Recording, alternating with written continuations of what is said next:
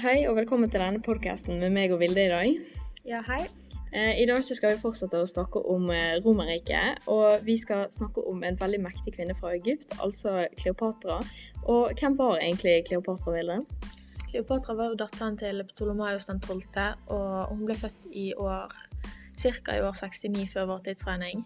Eh, så når faren døde i år 51, så arvet Kleopatra tronen. Eh, så formelt så styrte hun Egypt sammen med brødrene Ptolemaios den 13. og 14., og sammen med sønnen Ptolemaios den 15. Men det var egentlig Kleopatra som var den dominante parten, som styrte det meste.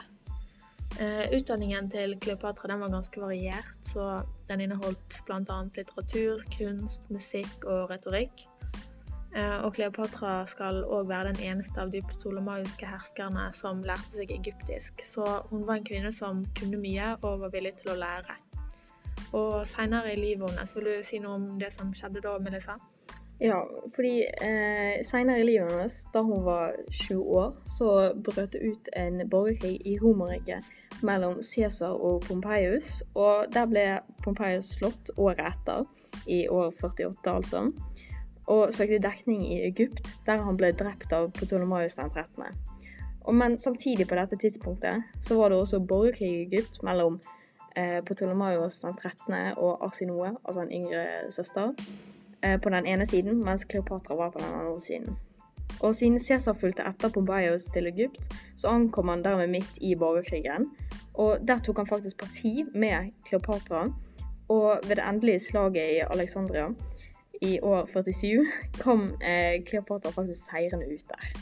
Ja, og ved at hun kom seirende ut av borgerkrigen, det skapte jo en allianse mellom Kleopatra og Julius Cæsar.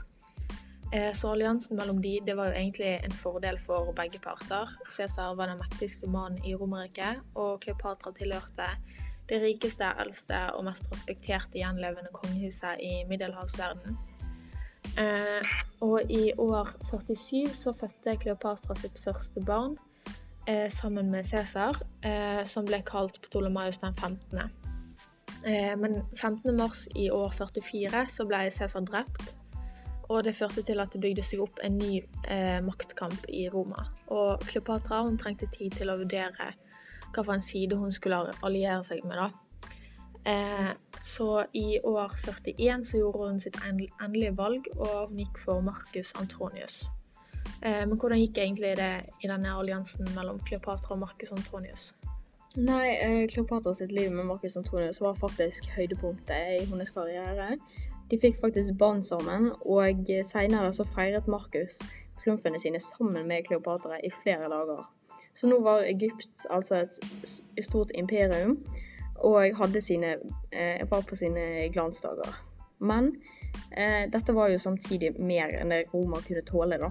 Så derfor, i år 32, så var vakten til Markus tatt ifra han, og det ble erklært krig mot Kleopatra i Egypt. Og hvordan endte egentlig denne krigen? Eh, det endelige oppgjøret skjedde jo ved eh, Aktium nord på den greske vestkysten i år 31, var det vel.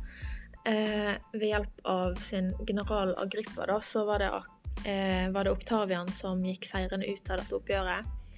Eh, og det var vel bare 100 av Kleopatra sine skip som klarte å komme seg ut av nederlaget og returnere til Alexandria. Eh, og samme år så skjedde det òg det siste slaget utenfor Alexandria. Og byen falt for den romerske overmakten. Eh, og dette endte jo med at Kleopatra tok sitt eget liv eh, bare 39 år gammel. Ja, Men selv om hun tok sitt eget liv, så levde hun fremdeles seinere i tiden. Fordi flere ble interessert seg i hvordan hun tok i bruk alle tilgjengelige midler for å faktisk styrke seg sjøl. Eh, og sånn som William Shakespeare, som dere vet hvem er, eh, har f.eks. skrevet en tragedie om hun på 1600-tallet.